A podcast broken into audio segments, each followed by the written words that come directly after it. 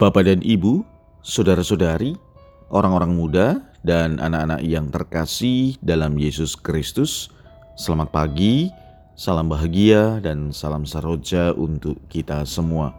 Berkah dalam. Bersama dengan saya, Romo Antonius Garbito Pambuaji menyampaikan salam dan berkat Allah yang Maha Kuasa dalam nama Bapa dan Putra dan Roh Kudus. Amin. Hari ini Jumat 15 Juli dalam hari biasa pekan biasa ke-15 bertepatan dengan peringatan wajib Santo Bonaventura Uskup dan Pujangga Gereja. Bacaan pertama dalam liturgi hari ini diambil dari kitab Yesaya bab 38 ayat 1 sampai dengan 6, 21 sampai dengan 22 dan 7 sampai dengan 8. Bacaan Injil diambil dari Injil Matius bab 12 ayat 1 sampai dengan 8. Pada suatu hari sabat, Yesus dan murid-muridnya berjalan di ladang gandum. Karena lapar, murid-muridnya memetik bulir gandum dan memakannya.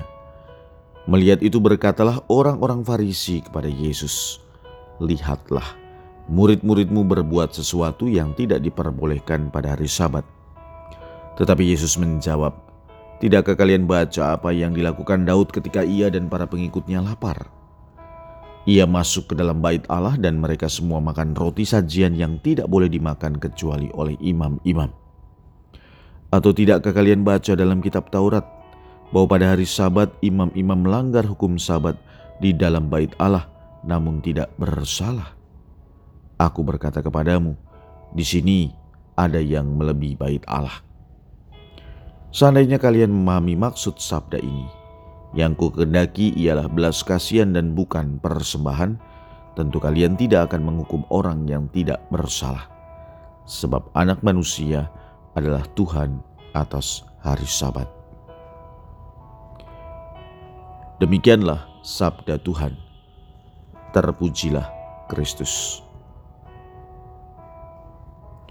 Saudara-saudari yang terkasih, setelah beberapa hari yang lalu kita mendengarkan pengajaran Yesus kepada para muridnya, hari ini Yesus mau menunjukkan kepada kita kembali pentingnya menghargai hukum Allah.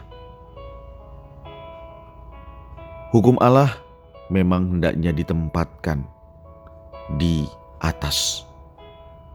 Tetapi hukum Allah ini harus dapat membantu atau mengedepankan hidup manusia. Artinya, bahwa ketika kita berhadapan dengan hukum, hendaknya kita taat dan menjalankan hukum itu sesuai dengan apa yang menjadi tujuan dari hukum itu. Namun demikian, ketika berhadapan dengan hidup manusia, hendaknya juga kita mengutamakan hidup manusia. Itulah yang dikehendaki Tuhan Yesus dalam kisah Injil hari ini. Saudara-saudari yang terkasih, Yesus bukan mengabaikan Taurat. Ia mau memberi arti dan makna yang baru, sehingga Taurat berdaya bagi kehidupan manusia hormat pada hari Sabat adalah sebuah peraturan.